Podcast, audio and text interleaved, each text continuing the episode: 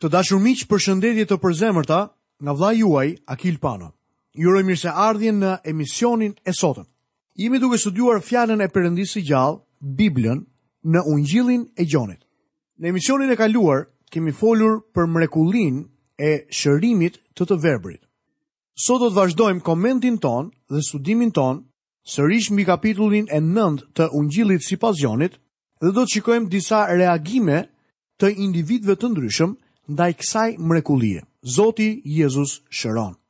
Zoti Jezus sot vazhdon të shpëtojë turmat e njerëzve, që ai shpëtoi 2000 vjet më parë, kur erdhi në planetin tonë dhe eci mbi këtë tokë. Zoti Jezus sot sërish është duke ecur por jo nëpërmjet trupit të tij fizik, por një trupi tjetër shpirtëror, të quajtur kisha e tij. Tek njeriu që ishte i verbër dhe u shërua nga Zoti Jezus, ndodhi një ndryshim. Ai nuk kishte më nevojë ta gjente me vështirësi rrugën për në shtëpi. Ai mund të shikonte, mendoj që ky njeri po thërriste haleluja unë mund të shoh. Le të shohim disa reagime, le të shohim pak fqinjët. Kapitulli 9 i Ungjillit sipas Gjonit do të lexojmë vargun e 8 dhe të 9. Atëherë fqinjët dhe ata që më parë e kishin parë të verbër, thanë, a s'është ky ai që rrinte ulur dhe lypte? Disa thoshnin, ai është? Të tjerët i përngjan atij dhe ai thoshte, Unë jam! A mund ta imagjinoni pak pamjen? Dikush po qëndron në një dritare dhe tha, Shikoni, shikoni, ai i verbri!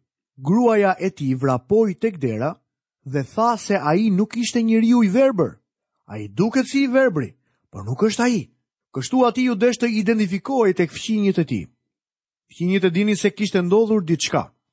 Nëse një person kthehet në të vërtetë, nëse nga i verbër mund të shohë, atëherë nuk e besoj se ai mund të kalojë kollaj pa e vënë re njerëzit. Nëse nuk ka ndonjë dëshmi ndryshimi, atëherë diçka nuk shkon mirë. Lexojmë vargjet 10 deri 12. I thanë pra, si të janë hapur sytë. Ai u përgjigj dhe tha: Një njeri që quhet Jezus. ka bërë baltë, m'i leu sytë dhe më tha, shko tek pellgu i Siloamit dhe lahu. Dhe unë shkova atje, u lava, dhe m'u kthye drita e syve. Dhe ata i thanë, ku është ai? Ai u përgjigj, nuk e di. Më pëlqen dëshmia e këtij njeriu. Ai tregoi vetëm atë që dinte, një dëshmi e mirë dhe e sinqertë. Ai rritej në kuptim sa herë që jepte dëshminë e tij, vini re, sesa e saktë është fjala e Zotit. Ai nuk tha që Jezusi mori pështymë dhe bëri baltë. Në verbërinë e tij, ai nuk e dinte këtë. Gjithçka që dinte, ishte se ndjeu baltën të përhapej në sytë e tij. Dëshmia e tij është e sinqertë, jo e përpunuar apo joshëse. Shpëtimi është me të vërtetë i thjeshtë. Do të thotë, të vish tek Zoti Jezus dhe të provosh fuqinë e Perëndisë. Ky njeri nuk e kishte parë asnjëherë Jezusin, dhe Zoti Jezus hapi sytë e tij. E rëndësishmja është jo të shohim Jezusin, por të besojmë në të. Së dyti, le të shohim pak çështjen e farisenjve, reagimin e tyre ndaj kësaj mrekullie. Lexojmë vargjet 13 deri 15. Atëherë ata e çuan te farisenjtë atë që më parë kishte qenë i verbër. Dhe ishte e shtunë kur Jezusi bëri baltën dhe ia hapi sytë. Edhe farisenjtë pra e pyetën përsëri si e fitoi dritën e syve. Dhe ai u tha atyre, më vuri baltë mbi sy, u lava dhe shoh. Sërish dëshmia e këtij njeriu është mjaft e thjeshtë.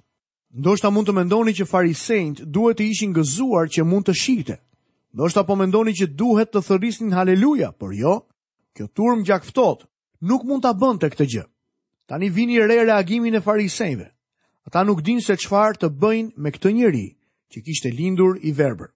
Dhe tani ai mund të shihte. Lexojmë vargun e 16. Atëherë disa farisenj thanë, ky njeri nuk është nga Perëndia, sepse nuk e respekton të shtunën. Të tjerë thoshnin, si mund të kryejë shenja të tila një njeri mëkatar, dhe kishte përçarje midis tyre. Këta njerëz pa dyshim që ishin disa nga njerëzit më të zgjuar të tokës. Pra pa një hije dyshimi, mendoj se duhet të kenë qenë më shumë sesa kandidatë për filozofitë greke. Ata ishin ekspertë në shumë argumentime. Ata do të përdornin metodën logjike të arsyetimit. Kishin një kusht të rëndësishëm, një kusht më pak të rëndësishëm dhe pastaj përfundimin. Nëse të dyja kushtet paraprake do të ishin të vërteta, atëherë dhe përfundimi do të ishte i vërtetë. Por nëse një nga kushtet do të ishte i rremë, atëherë për ta dhe përfundimi do të ishte i rremë. Ja cili ishte arsyetimi i tyre. Kushti kryesor i farisenjve. Të gjithë njerëzit e Perëndisë e respektojnë të shtunën. Kushti i dytë kryesor. Jezusi nuk e respektonte të shtunën. Përfundimi, Jezusi nuk është nga Perëndia. Kushti i parë i rremë i pengoi njerëzit që të arrinin në rezultatin e vërtetë. Nëse të dyja kushtet do të kishin qenë të vërteta, atëherë edhe përfundimi do të kishte qenë i tillë. Kushti kryesor, vetëm njerëzit që janë nga Perëndia mund të hapin sytë e një personi të lindur të verbër. Ndërsa kushti i dytë, Jezusi hapi sytë e një të verbri. Përfundimi, Jezusi është nga Perëndia. Fatkeqësisht, polemika të ngjashme i ndeshim edhe sot në kishat tona. Diskutohet për gjëra jo të rëndësishme ndërkohë që bota jashtë është duke vdekur dhe po shkon në ferr, e verbër për Ungjillin. Ekziston ende i njëjti argument i vjetër. Ai nuk e respekton të shtunën, që do të thotë Jezusi nuk bën si ne. Lexojmë poshtë vargjet 17 dhe 18. E pyesin pra përsëri të verbrin. Po ti, ç'thua për atë, për faktin që t'i ka hapur sytë? Ai tha: Është një profet. Por judenjtë nuk besuan se ai kishte qenë i verbër, dhe se kishte fituar dritën e syve, derisa thirrën prindërit e atij që kishte fituar dritën e syve. Duke argumentuar, pyesin, si ka mundësi që një njeri mëkatar të bëjë mrekulli të tilla?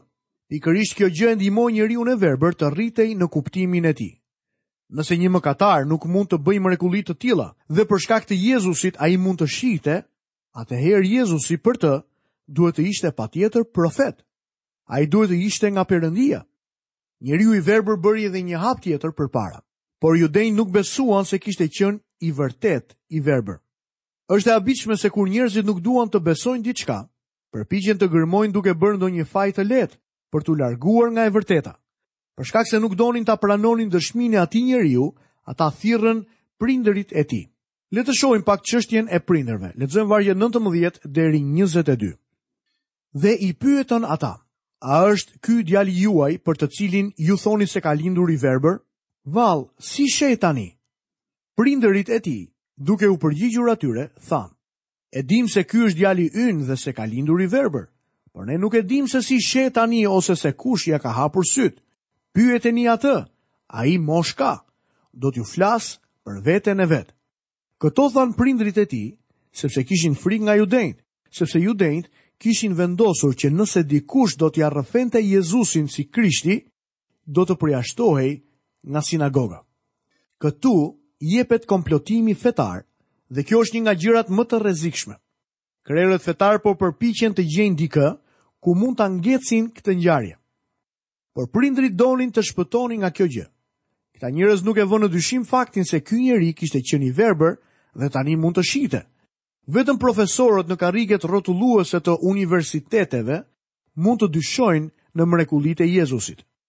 Njerëzit që ishin të pranishëm nuk mohuan qoftë edhe një mrekulli të tij. Lexojmë vargun 23. Prandaj prindërit e tij i thanë, Është në moshë, ka, pyeteni atë. Prindërit e dinin që kishte ndodhur një mrekulli, por nuk ishin të përgatitur të shpjegonin se çfarë dhe si kishte ndodhur. Ata nuk donin të përjashtoheshin nga sinagoga e judenjve, sepse kjo do t'i izolonte plotësisht. Kështu që ata nuk donin t'i futeshin këtij telashi. Meqenëse krerët fetarë nuk mund ta mohonin mrekullinë, ata po përpiqeshin që Zoti Jezus të mos merrte nderin, lavdinë e kësaj mrekullie. Lexojmë vargun 24. Atëherë ata thirrën përsëri njeriun që kishte qenë i verbër dhe i thanë: Jepi lavdi Perëndisë.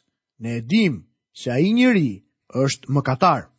Judenjtë tani i kthehen sërish argumentit të tyre të parë. Ky njeri është një mëkatar, sepse nuk e respektoi ditën e shtunë. Mos i jepni lavdi këtij njeriu, Zotit Jezus, Jepi lavdi Perëndisë. A nuk tingëllon kjo gjë fetare dhe në të njëjtën kohë e bukur? Shohim më poshtë vargun e njëzet e pesë. Ai atëherë u përgjigj dhe tha, Në është mëkatar nuk e di, por di një gjë, që isha i verbër dhe tani shoh.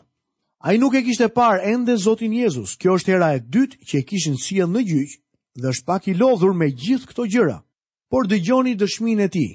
por di një gjë, që isha i verbër dhe tani shoh. Kjo është dëshmia e çdo mëkatari që shpëtohet. Dikur isha i verbër, por tani shoh.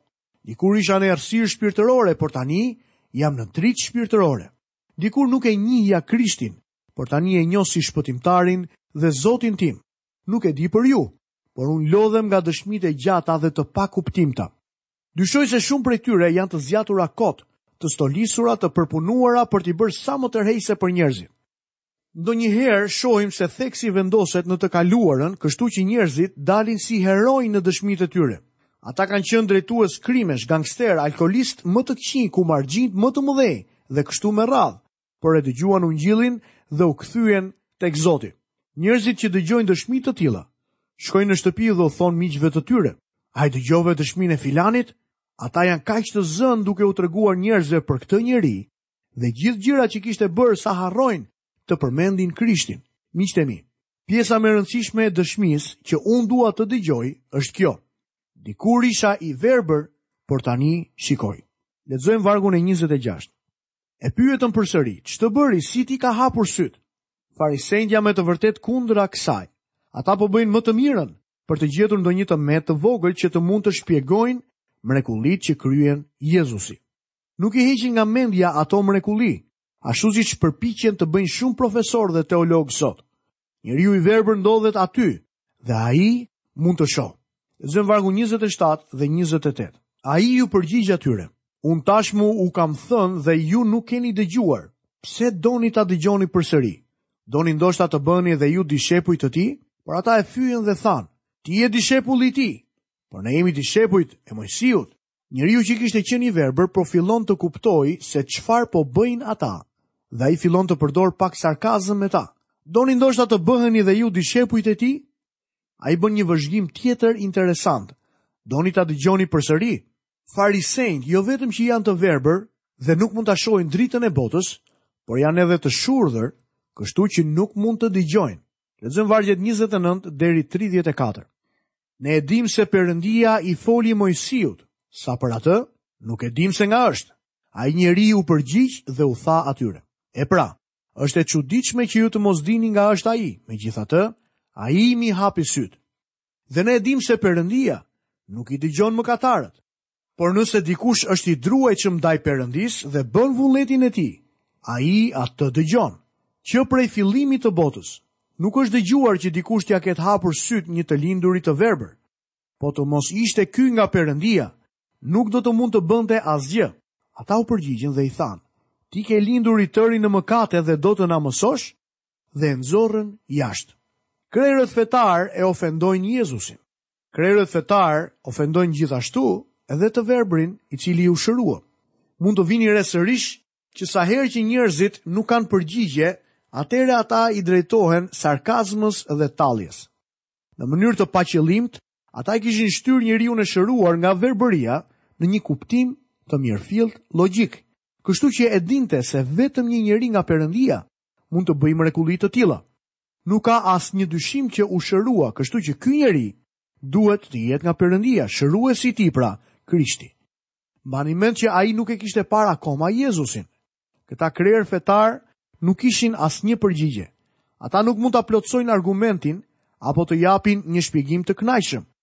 Faktet i turbullojnë dhe i kontradiktojnë. Por çfarë bëjnë? E nxjerrin atë njeri jashtë. Ky përjashtim e nxjerr këtë njeri jashtë tempullit dhe jashtë biznesit. Ai kthehet në një të dëbuar, pothuajse si një lebroz. Do të përjashtohej nga gjithçka fetare apo sociale. Tani le të shohim çështjen e katërt në shqyrtimin e studimit tonë. Njeriu i verbër takohet me Jezusin. Lexojmë vargjet 35 deri 38. Jezusi e mori vesh se e nxorrën jashtë dhe kur e gjeti i tha: A beson ti në birin e Perëndisë? Ai u përgjigj dhe tha: Kush është Zot që unë të besoj në të? Dhe Jezusi i tha: Ti e ke parë, është pikërisht ai që po të flet. Atëherë ai tha: Unë besoj o Zot dhe e adhuroi. Zoti Jezus shfaqet në skenë. Ky njeri e kishte mbrojtur Zotin Jezus, kishte dalë fitimtar në argumentim, por ishte dëbuar nga krerët fetarë. Është mjaft e mrekullueshme që Zoti Jezus vjen tek ai. Miqtë mi, Krishti është gjithmonë në kërkim të njerëzve. Zoti e ka përgatitur këtë njeri gjatë gjithë kohës. Tani ai duhet të vendosë besimin e tij në birin e Perëndisë. Zoti Jezus tani vjen tek ai me pyetjen kritike, A beson ti në birin e Perëndisë? Eksperienca që ky njeri kishte kaluar e kishte forcuar besimin e tij duke e qartësuar mendimin e tij. Zoti e di që ai është gati për hapin final. Ky njeri është shumë i hapur, i ndershëm dhe i sinqertë. Ai pyet se kush është biri i Perëndisë që mund të besojë në të. mund ta shihni fare lehtë etjen e madhe të këtij njeriu. Ai kërkon të shkojë më tej, dëshiron ta njohë birin e Perëndisë. Zoti ynë i përgjigjet në këtë mënyrë të këndshme. Ti e ke parë, është pikërisht ai që po të flet. Njeriu i beson atij dhe e adhuron. Ky është një nga rastet më të shkëlqyera të besimit që kemi në gjithë fjalën e Zotit. Zoti ynë e mori këtë njeri të verbër hap pas hapi dhe e solli në këmbët e tij, ku ai mund të thoshte, Zot, unë besoj, dhe ai njeri e adhuroi atë. E njëjta gjë ndodh edhe me hapat e çdo mëkatari. Në fillim ne jemi të verbër, jemi mëkatarë të humbur. Madje nuk mund të shohim as gjendjen tonë të humbur. Pastaj vijmë te Krishti. Ai na zbulon veten e tij. Sytë tanë hapen dhe kështu mund të shohim se kush është dhe çfarë ka bërë për ne. Pastaj lind pyetja, a do të besosh? Përgjigja e këtij njeriu mund të jetë edhe përgjigja juaj. Zot, unë besoj. Ti do t'i biesh ndër këmbët e tij dhe do ta adhurosh. Lexojmë vargun e 39. Pastaj Jezusi tha, unë kam ardhur në këtë botë për të bërë një gjyq, që ata që nuk shohin të shohin, dhe ata që shohin të verbohen. Kjo duket një deklaratë e çuditshme. Zoti po thotë se ka disa njerëz që kanë sy, por nuk shohin. Kanë sy dhe shikim fizik, por ata janë të verbër shpirtërisht. Nëse një person do të pranojë që është i verbër dhe do të vijë tek Jezusi si i verbër, Jezusi do t'i japë shikim shpirtëror. Apostulli Pal shkruan: dhe njeriu natyror nuk i rrok gjërat që janë të frymës së shenjtë, sepse për të janë marrëzi dhe nuk mund t'i njohë, sepse ato gjykohen frymërisht. Miku im, nëse ke ardhur në prezencën e Zotit Jezus, dritës së botës dhe ende vazhdon të thuash, çfarë është e vërteta, ose unë nuk e shoh atë si shpëtimtarin tim, ose Nuk e kuptoj se çfarë po thotë. Atëherë, fatkeqësisht, më duhet të them, ti nuk shikon. Je shpirtërisht i verbër. Farisenjtë kishin sy dhe mendonin se shikonin. Ata ishin njerëz fetarë, njerëz të zellshëm, por megjithatë ishin të verbër. Paganët janë të humbur. Ata janë në errësirë, Zoti Jezus vendos çdo njeri në një sërë hapash. Nëse dikush sot që ndodhet nën zgjedhën e paganizmit, ateizmit, dëshiron të njohë Jezusin, Zoti do ta çojë ungjillin tek ai. Njeriu që qëndron në kishë dhe dëgjon predikimin e Fjalës së Zotit dhe dhënien e ungjillit ndodhet në prezencën e Dritës. Ajo dritë i zbulon verbërinë. Jezusi tha, në qoftë se drita pra, që është në ty, është errësirë, sa e madhe do të jetë errësira. Nëse i di faktet për Jezus Krishtin, dritën e botës, por nuk beson, atëherë miku im ti je shpirtërisht i verbër, nëse ke vetëm informacion në kokën tënde, ke një lloj njohurie të caktuar, por nuk beson te Krishti, Si shpëtimtar dhe Zot, ti je i verbër dhe nuk ekziston asgjë që mund të të ofrohet ty.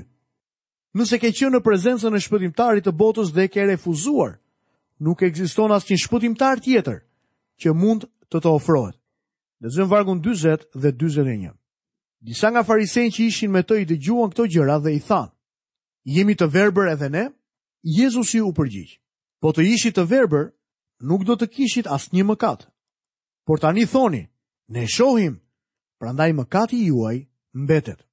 Të dashur miq, e filluam studimin e këtij kapitulli me një të verbër që u shërua dhe pa. Ai filloi të shikojë fizikisht dhe më vonë shpirtërisht. Përfunduam me krerët fetarë që ishin tmerrësisht dhe tragjikisht të verbër, edhe pse mendonin se shihnin. në prezencën e Krishtit, në prezencën e dritës, në prezencën e zbulimit të Perëndisë, ata thanë se nuk kishin mëkat. Disa nga njerëzit më dogmatikë sot janë ateistët dhe ata individë të cilët u besojnë kulteve. Thonë se shohin, por në të vërtetë janë të verbër. Nuk e pranojnë Zotin Jezus, kështu që mëkatet e tyre mbeten. edhe pse nuk ecin me shkop në dorë, ata janë dhe do të ngelen të verbër nëse nuk vijnë te Krishti për të pohuar mëkatet e tyre dhe për ta pranuar atë si Zotin dhe si shpëtimtarin e tyre. Të dashur miq, falënderoj Perëndinë për mprehtësinë e fjalës së tij. Për guximin që kjo fjalë sjell në zemrat tona që ne mund ta predikojmë Krishtin me guxim. Lutem që Perëndia t'ju japë guximin, mprehtësinë dhe fuqinë e kësaj fjale, në mënyrë që edhe ju ta predikoni Krishtin me anë të guximit dhe bindjes. Lutem që Perëndia i paqes t'ju mbulojë me hirin e tij në këtë ditë dhe deri në emisionin e ardhshëm